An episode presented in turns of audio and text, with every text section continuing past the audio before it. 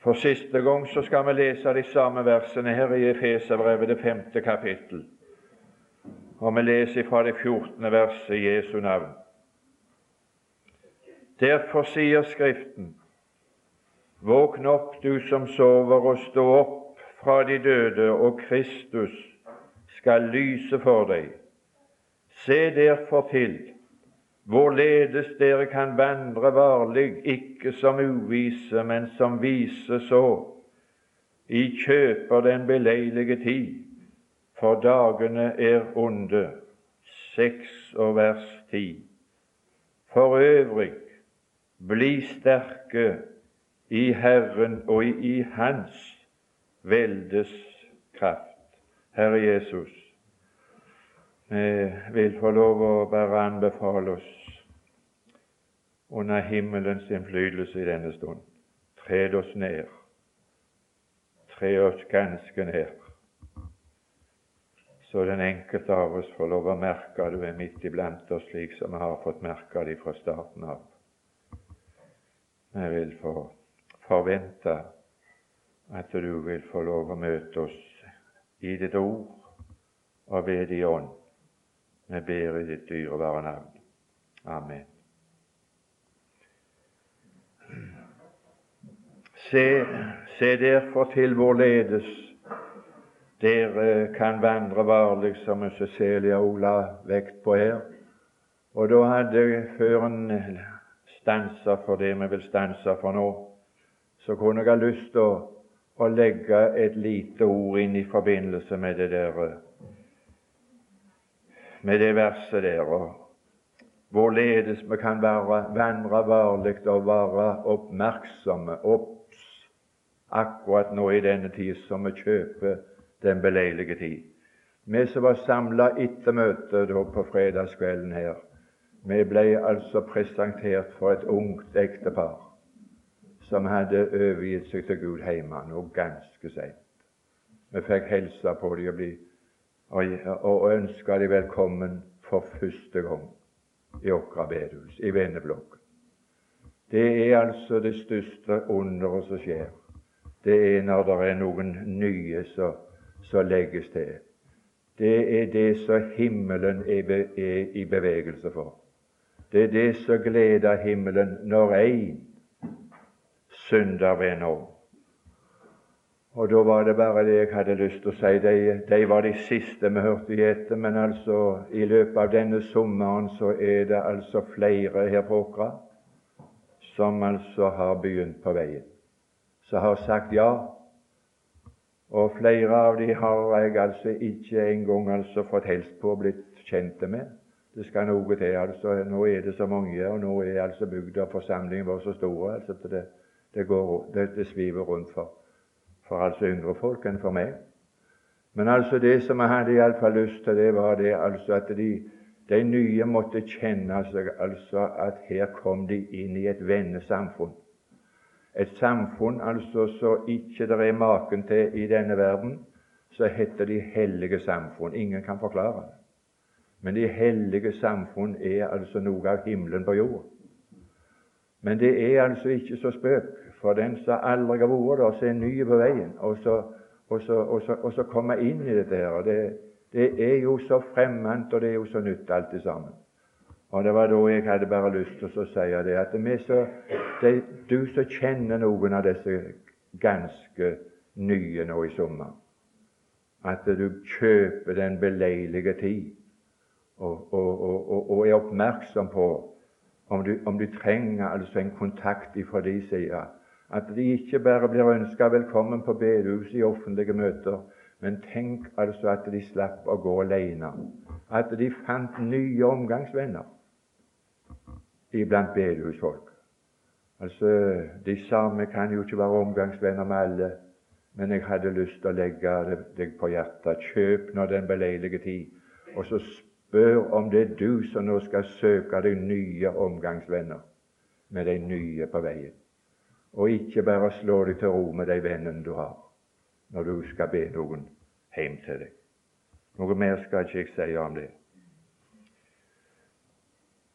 Det er noe som vi har vært opptatt av denne uka, det er om dager så er vonde, leste vi i det 16. vers, dagene er vonde. Og de som gjør dagene vonde, det er djevelen, og han bruker denne verdens herlighet til å friste og lokke folk. Og der har han altså ei uhyggelig makt. Jeg vil, si, jeg vil spørre om det er noen i det hele tatt som er fremmede for å kjenne de krefter som djevelen har når han viser fram verdens herlige for en tiltrekningskraft det har på ethvert menneske i denne verden. Og Da er altså spørsmålet er det noe som er sterkere enn det som Satan kan vise et menneske, enten de er unge eller gamle. Er det noe som er sterkere, som kan lokke og friste og dra deg sterkere enn all verdens herlighet er i stand til? Og Det var det som jeg prøvde på i går og vil fortsette med i kveld. Det er altså når Jesus får vise sitt rikes herlighet, så skal du få lov å oppleve at den herligheten som den Herre Jesus har, har en sterkere kraft og makt til å dra deg. Og vi sang her i sangen 'Dra meg o Jesus, inn i din ferd. Det står i Høysangen, i det første kapittel, så står det Hvis du drar meg, så følger jeg etter deg. Og derfor så synger vi 'Dra meg'. At vi skulle få lov å få vise fram noe av Jesu Kristi herlighet, så har en sterkere dragende makt, enten de er ganske unge, eller de er voksne, eller de er eldre mennesker. Det vil vi prøve på å fortsette med i denne kveldsstund. Og det var på denne måten at vi kunne bli sterke i Herrens veldes kraft. Når Gud kaller et menneske ifra verden, ifra Satans makt, som de er så bundet av, mørkets makt, de syndige lyster, som sitter så fast i, for han har et kjøtt og en natur som drages og lokkes til de syndige lyster. Så er det spørsmål hva, hva har Gud å bruke når han skal kalle og lokke et menneske ut ifra den Satans og mørkets makt som han holder de så fast med. Da står det i 2. Peters brev, det første kapittel og det tredje vers. 2. Peter 1, 3, så er det bare det som det står, som jeg bare henvise til, som vi snakket om i går kveld. Han kalte oss og når han kalte oss, så brukte han noe å kalle oss. Han kalte oss ved sin egen herlighet og makt. Og den herligheten og den makten som den Herre Jesus bruker å kalle et ufrelst menneske ut ifra Satans makt og til sin elskede Sønns rike, det er å vise Jesus som led døden, ikke i vanære, men led døden kronet med ære og herlighet. At jeg får se Jesus som den som ikke døde, men den som døde for meg og tok bort min synd og min brøde. Det går ikke an å bli frelst uten å få se Jesu herlighet på Golgatas kors. Meg til frelse jeg intet vet uten deg, Guds land. Det er det eneste som kan frelse et menneske. Det er å få lov å se det store underet og den herlighet at når han døde, så døde han for meg. Jeg skal ikke si noe mer om det, men jeg hadde lyst til å si før vi går ifra det, at det står noe i Første Mosebok, det 45. kapittel og det 28. vers, noe som jeg og du har bruk for å ta lærdom av. I det 27. vers der i Første Mosebok 45 så står det at guttene til Jakob de kom til Jakob en dag og fortalte faren om at Josef levde nede i Egypten. Men så står det og Det er det vi opplever når vi skal være med og, og, og, og vinne sjeler for Herren. Det er det samme kan vi fortelle. Så står det Jakobs hjerte var kaldt, og det forblev kaldt. Og grunnen til det, det var at han trodde de ikke. Og det var vel en grunn hvorfor at han ikke trodde de. Og det er vel gjerne en grunn hvorfor et ufrelst menneske ikke tror på oss, når vi forteller dem om, om Jesu herlighet, og at Han kaller på dem. Jeg skal ikke si noe mer om det. Du, du kjenner den alle de gangene så, så de guttene hadde lurt far sin. De hadde ikke snakket sant. Og så trodde han ikke på dem når de kom og fortalte dette. Hans hjerte var og forblev kaldt fordi han ikke trodde på dem. Jeg vet ikke hva det er som gjør at de ikke tror på oss, men det er vel en grunn for det. Men så står det der hendte noe. Så du må aldri gi opp. Og de gav ikke opp. Så fortalte de enda mer. Og så viste de faren vognene som Josef hadde sendt for å hente han i. Da står det noe vidunderlig. Da opplivdes Jakobs Sion, og så sa han noe som jeg håper på at noen her skal si på okra denne høsten, i denne dag, om det kunne være mulig. Nå er det nok. Nå har jeg hørt nok. Nå vil jeg. Nå vil han noe han ikke ville før. Det å bli frelst, det å bli være et ufrelst menneske som skal, som skal, skal vinnes for himmelen, det er et menneske som må påvirkes, for de vil ikke. Og de som ikke vil, de må påvirkes inntil at de vil. Og det vi skal få påvirke dem med, det er stadig vekk å fortelle meg. De fortalte meg Til slutt så hendte det. Så sa han nå er det nok. Nå har du fortalt nok. Nå vil jeg det jeg ikke ville før. Og det er en fenomenal opplevelse å registrere når en ungdom eller en eldre sier 'Nå er det nok. Nå vil jeg bli frelst'. Nå er det nok. Du skal slippe å mase mer. Du skal slippe å preike mer. Du skal slippe å be mer. Nå er det nok. Nå vil jeg det som jeg ikke ville før. Gud gi. Da vakte du en lengsel i mitt sinn, og så fikk jeg lyst til å bli frelst. Det er det første som må skje. Da vakte du en lengsel. Og den lengselen den, den er vakt hos flere enn de som er på bedehuset i kveld. Men gjerne er det noen som er kommet på møte, så denne, denne lengselen er vektig. Å, om jeg var frelst! Å, om jeg var frelst! Da vakte du en, freld, en lengsel. Det andre har jeg lyst å legge vekt på i kveld. Det står i første Peters brev. Det er femte kapittel, og det er det tiende vers. Der står det om Gud. Og der står om at Gud er all nådes Gud.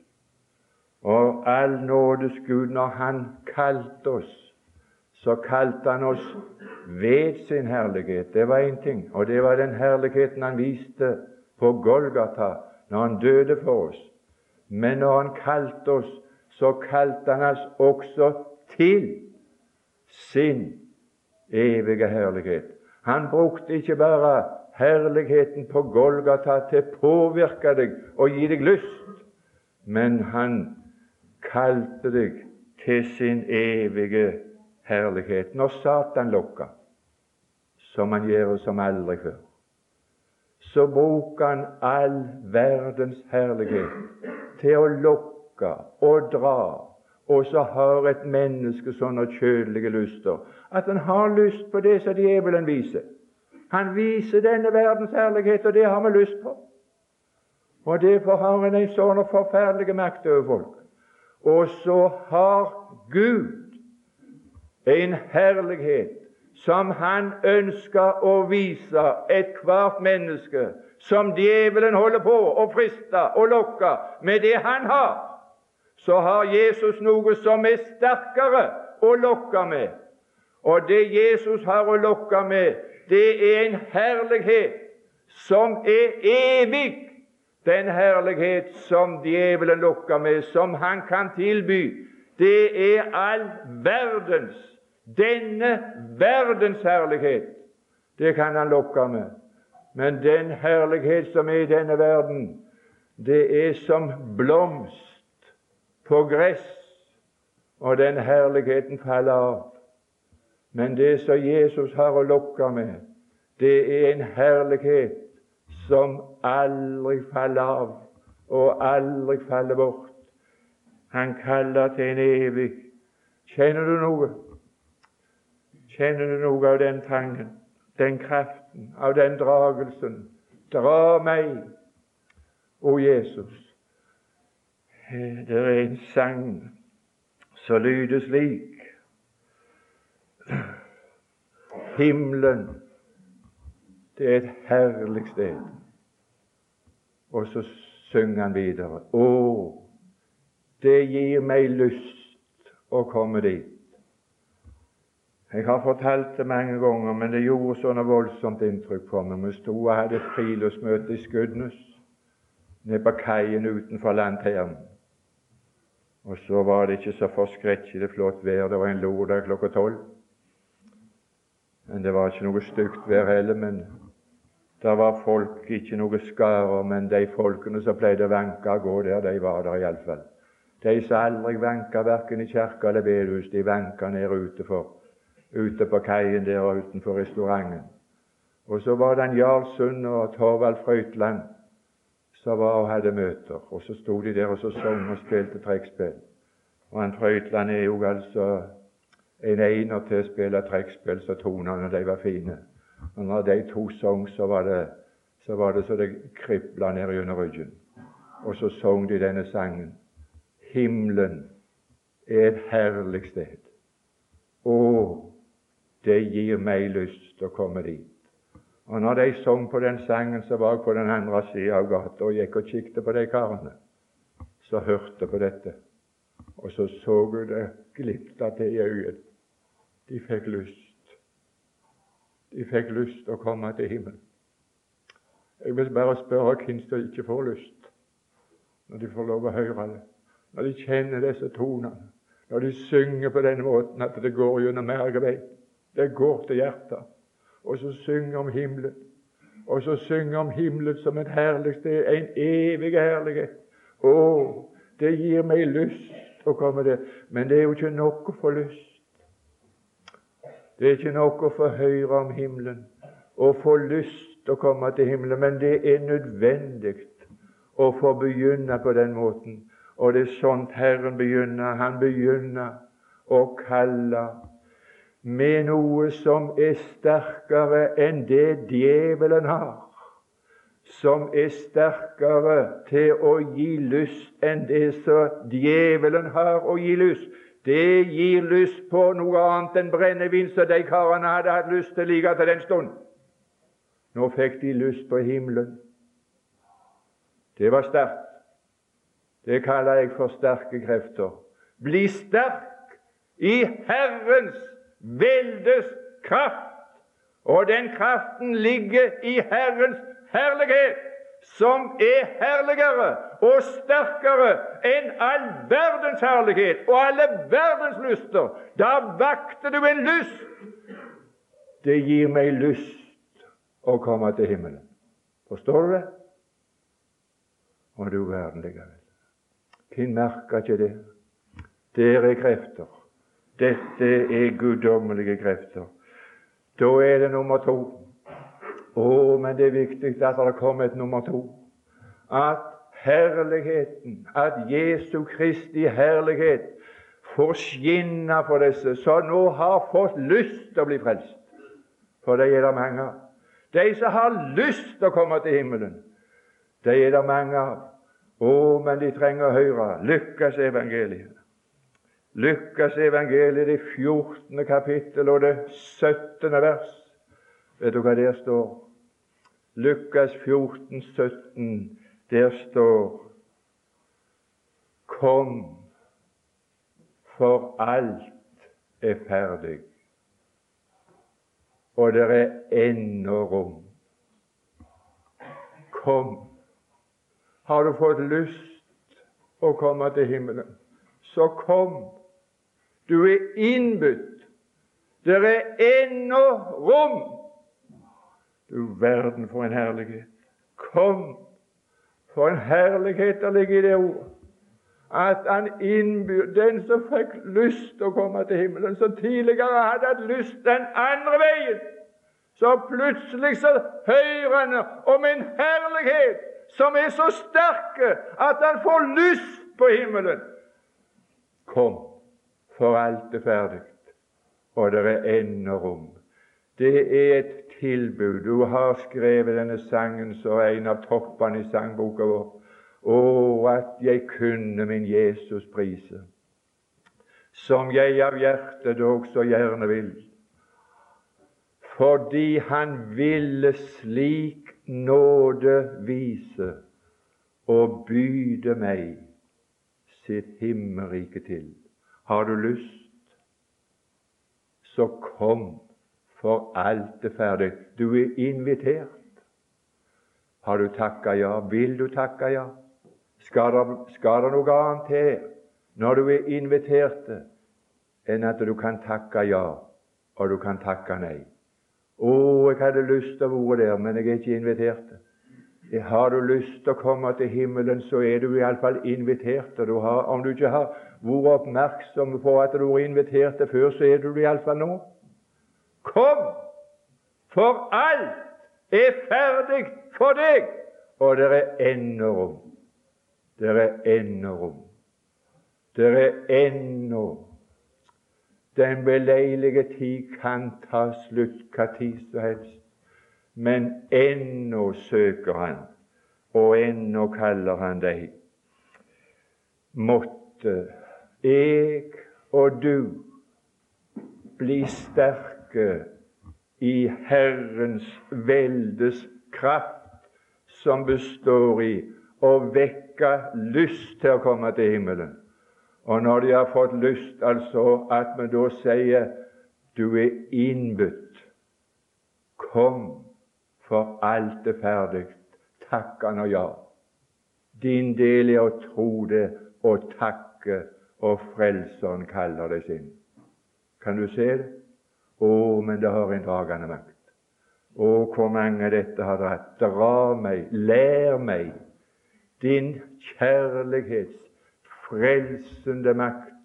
Den er sterkere enn mørkets krefter, og den er sterkere enn alt det som denne verden har å lokke med.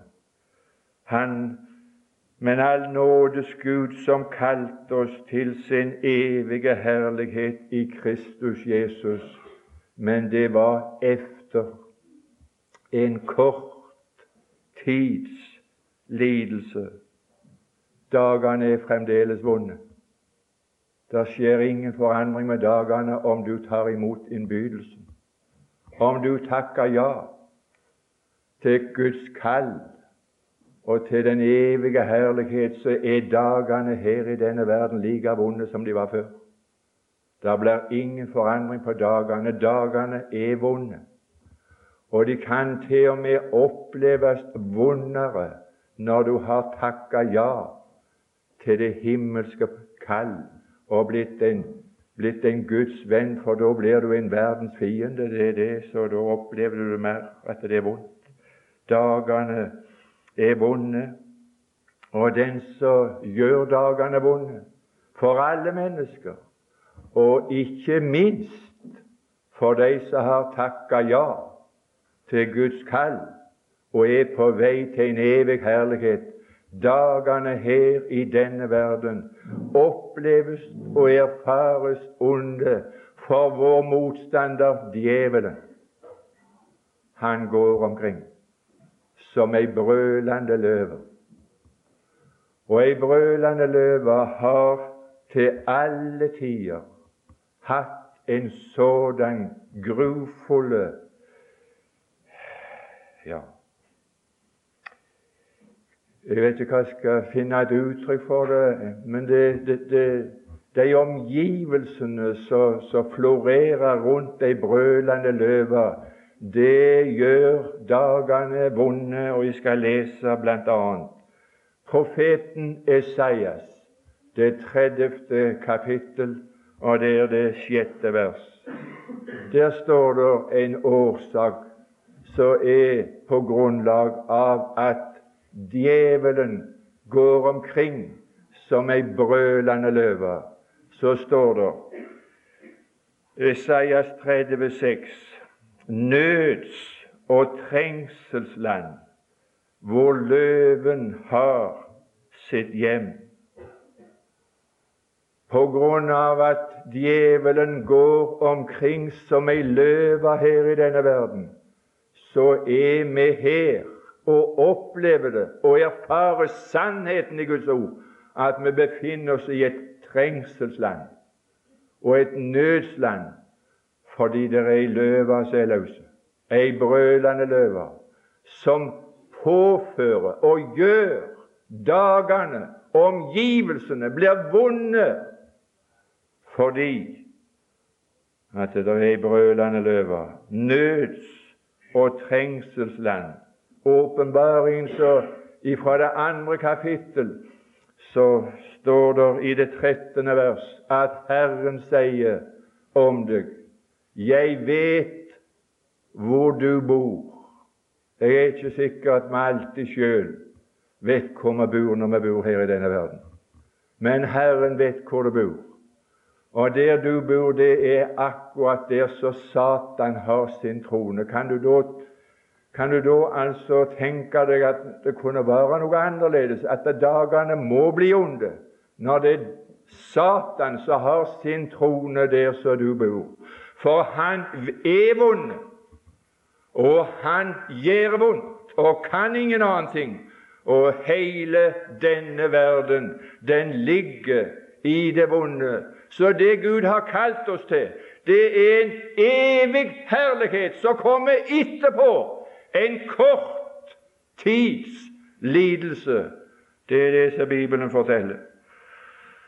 Jeg må få lov å lese fra 2. Timotius brev, det siste brevet fra Paulus i hånd til sin unge venn Timotius, fjerde kapittel, og det er det 17. vers. Å, men det er godt å være frelst når, når, når, når den brølende løve òg herjer som aldri før. Hjelpe meg, altså. Én ting er å lese om det i Bibelen, men det er noe ganske annet å se herjingene av den brølende løven rundt omkring i åkra det er noe annet. Det går på, det går på, på sinn og tankene løst.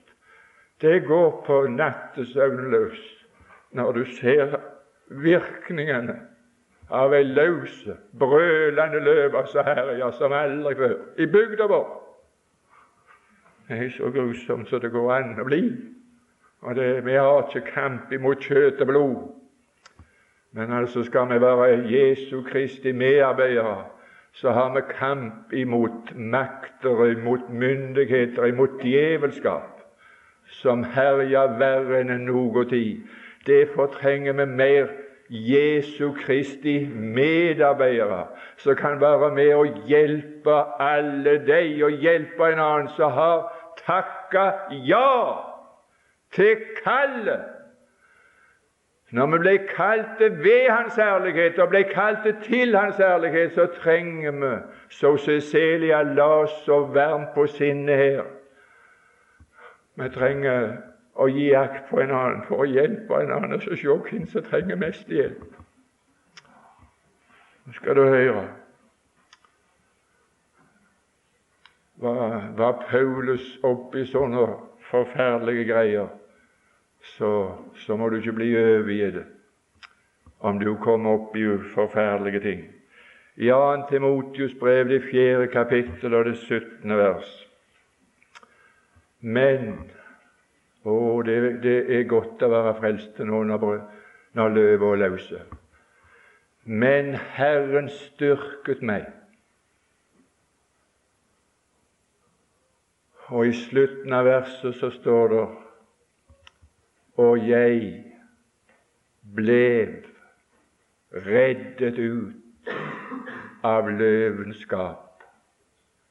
Hva slags følelser Paulus måtte ha når han befant seg i løvenskap, det vet ikke jeg.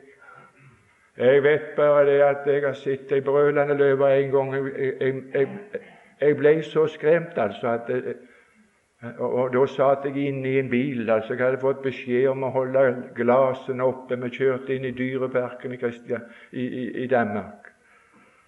Og så gikk løvene løse, og de lå jo der og sov, altså, men så stoppet vi, skulle kikke nærmere, og så satte vi et brøl og så på oss. Og når løva brøla, står det i Bibelen, hvem reddes ikke da? Da skvatt jeg til og trodde på gassen som vi føk derifra. Nei, det gjorde jeg. Men hjelpe meg om jeg hadde vært i gapet på den løva, altså, da hadde jeg ikke hatt nerver igjen. Da hadde jeg trodd at min siste time var kommet. Men Herren styrket meg og reiv meg ut av løvenskap. Det er noen her som har tatt sin tilflukt til Herren. Så er løva herja med. Jeg har ikke tenkt oss å slutte å herje med dem. Hva slags følelser du skal oppleve, det vet ikke jeg, men verre kan det ikke bli med deg. Det kan jeg si til deg når du sitter her. Så langt kan det komme at du kommer i løvenskap, og da er det grusomt. Nå, nå, nå er det slutt. Men Herren, har du tatt din tilflukt til Herren, så forlater Han deg ikke. Så slipper Han deg ikke. Så styrker Han deg, og så river Han deg ut. Det så nå, nå var det Nå kunne du tro alt var slutt. Så blir en redda ut, rett ut av løvenskap. Ja, det er jo herlighet, altså. Kjenner du noe av en større kraft enn djevelen? Bli sterke i Herrens velde. Ser du det at Herren er sterkere enn løver? Kan rive deg ut av løvens gap, altså. Så langt, men ikke lenger. Du store. Første Peter, det fjerde kapittel og det tolvte vers. Dette er noe som det brenner, det brenner forferdelig, altså dette her er så aktuelt, så det, det, det, det kan altså ikke bli mer for enkelte i dette møtet.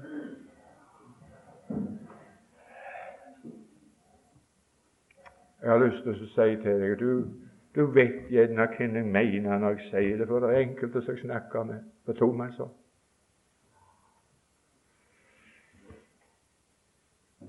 Undre 1. Peter 4,12. Undre deg ikke over den ild som kommer over deg, som om det hendte deg noe underlig.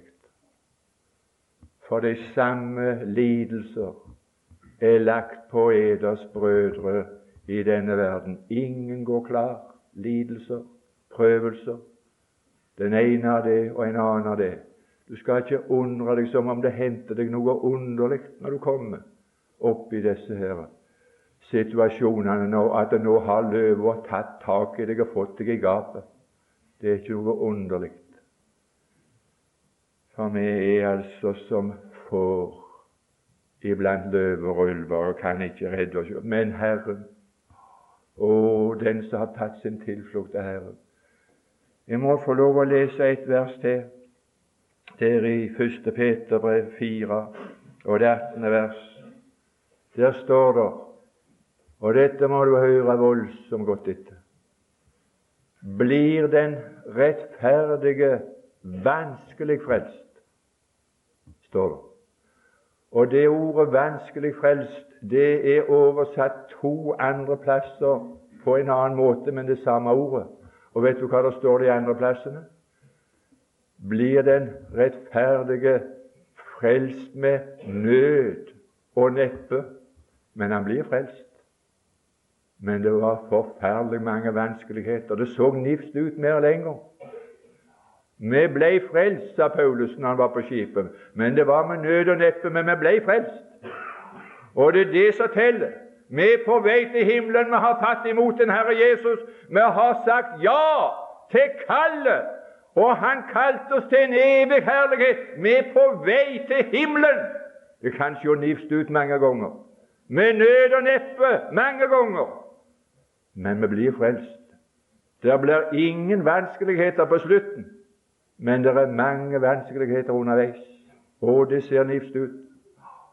Og du verden hvor ut det ser mange ganger. Men vi blir frelst. Og blir den rettferdige vanskelig frelst.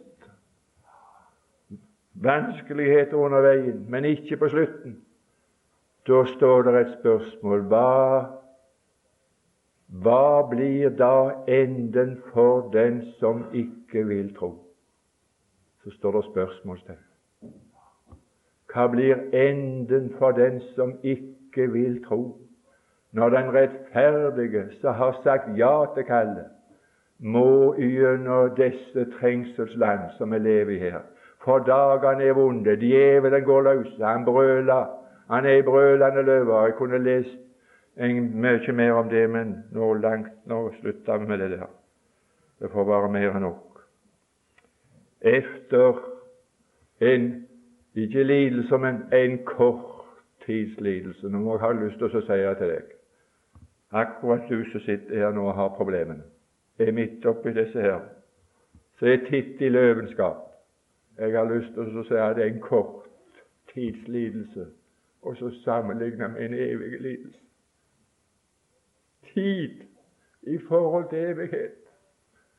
Det er ikke så farlig om det er en kort tids lidelse når vi skal slippe en evighet i lidelse. Kjenner du ikke det at det der er sterkere enn alt det som Satan kan lokke med? da? Og du og du Kort kort tid i forhold til en evighet. Hvor skal du bo i evighet?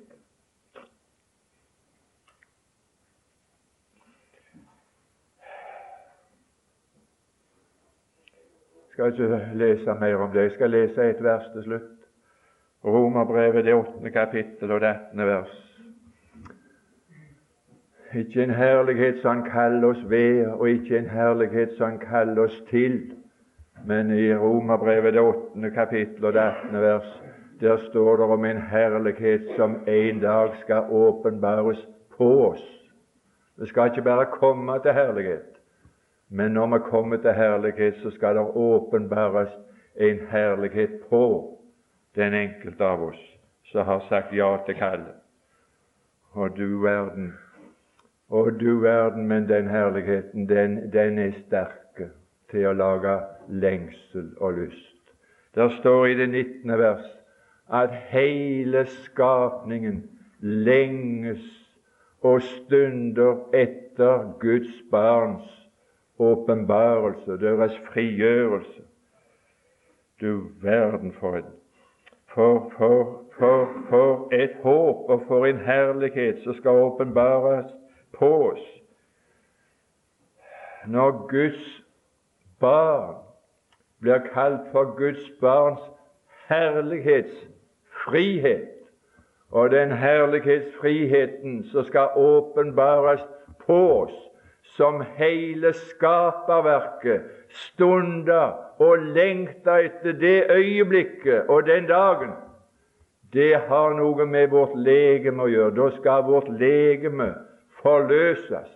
Og det skal forløses på den måten at vårt fornedrelseslegeme skal forvandles og bli gjort likt med Jesu Kristi herlighetslegeme. Det er den herlighet som en dag skal åpenbares på den som sier ja til Guds kall. Du verden likevel, for en herlighet! Å, det er noe som jeg stunder etter og lengter etter. Hvorledes blir vi da når vi blir ham lik? To-tre ord til, til slutt. Fra 1. Korintiabrev, det 15. kapittel, der står i det 53. vers at dette forgjengelige Og det skal være visst altså at det når du kommer litt ut i årene, så erfarer du altså sannheten i forgjengeligheten. Dette forgjengelige skal bli frigjort ifra forgjengelighet, og så skal det bli ikledt uforgjengelighet. Ja, jeg må si at, det er en herlighet som er sterk. Å, men det er en dragelse i det. Jeg stunder og jeg lengter etter den dagen når mitt legeme skal bli frigjort ifra forgjengelighetens trelldom, og jeg skal bli ikledt uforgjengelighet. En herlighet som aldri faller av, aldri eldest. Det er for meg å tenke på det. Jeg har, jeg har altså det der for øynene mine hver dag. Eldest. Aldri omskiftes. Du verden, altså. Jeg ser det for meg. Den som jeg hadde, så så er jeg blitt så forandra. Så er jeg blitt så omskifta.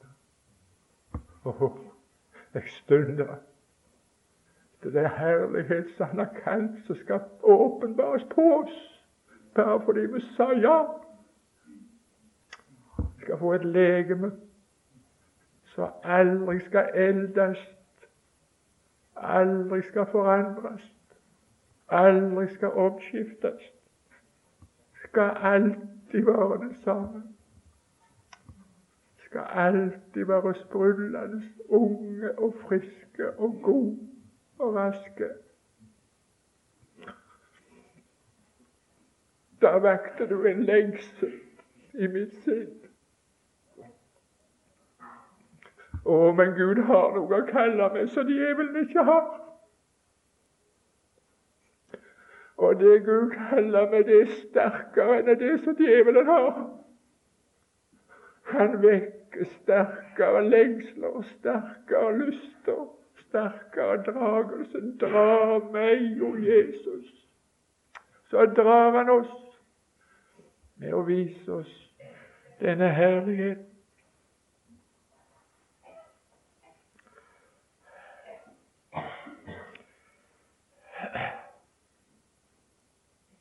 Lukas 24, det 39. vers. Et legeme, et herlighetslegeme som Jesus presenterte på oppstandelsesdagen, som bestod av kjøtt og ben. Ei ånd har ikke kjøtt og ben slik som det ser at jeg har. Han hadde ikke blod, men han hadde et legeme av kjøtt og ben. Blod, det hører med til et legeme som må fornyes, som eldes og må fornyes. Men dette herlighetslegeme, det trenger ingen fornyelse, det trenger ingen blodsirkulasjon. Men det er det samme kjøtt og samme ben. Bare se, sa på hendene mine og føttene mine. Kjenn på meg og se at det er jeg som hang på korset. Det er meg sjøl. Og den dagen så skal det være meg sjøl. Samme legeme som Jesus bar i tiden, bærer han med seier i himmelen. Vi skal kjenne han igjen på naglegapene. Etter oppstandelsen så kjente de han igjen på naglegapene. Jeg skal ikke si mer om det. Det får være nok. 1. Korintiabrev 15,44 så står det at det legeme, når Hans herlighet skal åpenbares på oss, så skal vi få et legeme som er åndelig. Ikke, ikke åndelig i den måten altså at det er ånd. Nei, det er et legeme som er av kjøtt og ben. Men det legeme som jeg og du har i dag, det er et naturlig legeme som er underlagt naturlover. Men det herlighetslegeme som vi skal få, det er et åndelig legeme som er lagt under åndslover. Vi får et legeme som passer for vår ånd. Jeg, vil jeg være der, så er jeg der. Vil jeg være i himmelen, så er jeg der. I samme nu som jeg tenker, så er jeg der. Vil jeg ut, altså, så trenger han ikke dører. Han gikk ut og inn altså av stengte dører. Et åndelig legeme var ikke bundet av naturloven. Han gikk ut av grava før de tok steinen vekk. Han gikk opp i lufthimmelen. Han Hadde ingen problemer, for han var ikke bundet av naturloven. Og når den Herre Jesus skal altså komme igjen, så skal han først forvandle oss. Vi skal være gjort lik Han mens vi er her. Og så stiger vi opp. For vi må, vi må, vi må ha et åndelig legeme hvis vi skal til himmelen. Og så må vi ikke bare ha et åndelig legeme, vi må være, være kledde sånn som det passer i himmelen. Hvorledes tror du vi skal være kledde med, med et åndelig legeme, med et herlighetslegeme? Jeg kunne lese flere skrifter, det skal ikke gjøre så mange av dem, men i Daniel 12,3 så står det at den rettferdige skal skinne som stjernene. Det han skal kle oss i, han skal kle oss i lys, ikke, ikke i klær. Nei, Salomo, sa Jesus, han var kledd som den fineste konge på denne jord. Men Salomo i all sin herlighet han var ikke kledd som ei eneste lilje, for lilja var kledd av Gud, men Salomo var påkledd og utkledd. Han var utkledd, men lilja er kledd av Gud. Og den dagen Gud forvandla vårt fornedrelseslegeme og gjør det likt med Hans herlighetslegeme, så skal vi være kledd i lys og i glans. Og den ene skal skille seg ifra den andre i glans. Den ene stjerna skal skille seg ikke ifra å være stjerne, men å, men da skal du lyse litt annerledes enn en annen. Tenk at han frelste en synder som meg. Og han skal vise sin herlighet i alle de hellige, og underfull i alle de troende. Og du skal være til pris for Hans herlighet i evighet. Vi synger 'Det vil bli herlig for meg'. Det vil bli herlig for meg når Han fra jorden har hentet sin brud. Det vil for evig bli herlig for meg, ja, det vil det. Men det vil bli herligst for ham. Herligst for ham når han har fått sine hjem. Da vil det for evig bli herligst for ham. Herre Jesus, dette er det du kaller oss til.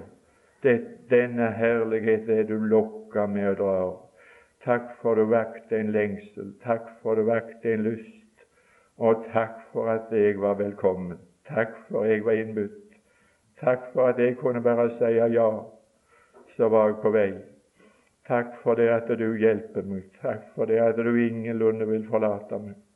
Takk for det at du skal sørge for å redde meg i dette trengselsland som det går i brøl av løva. Tenk om vi kunne få lov å være med og oppmuntre andre på veien.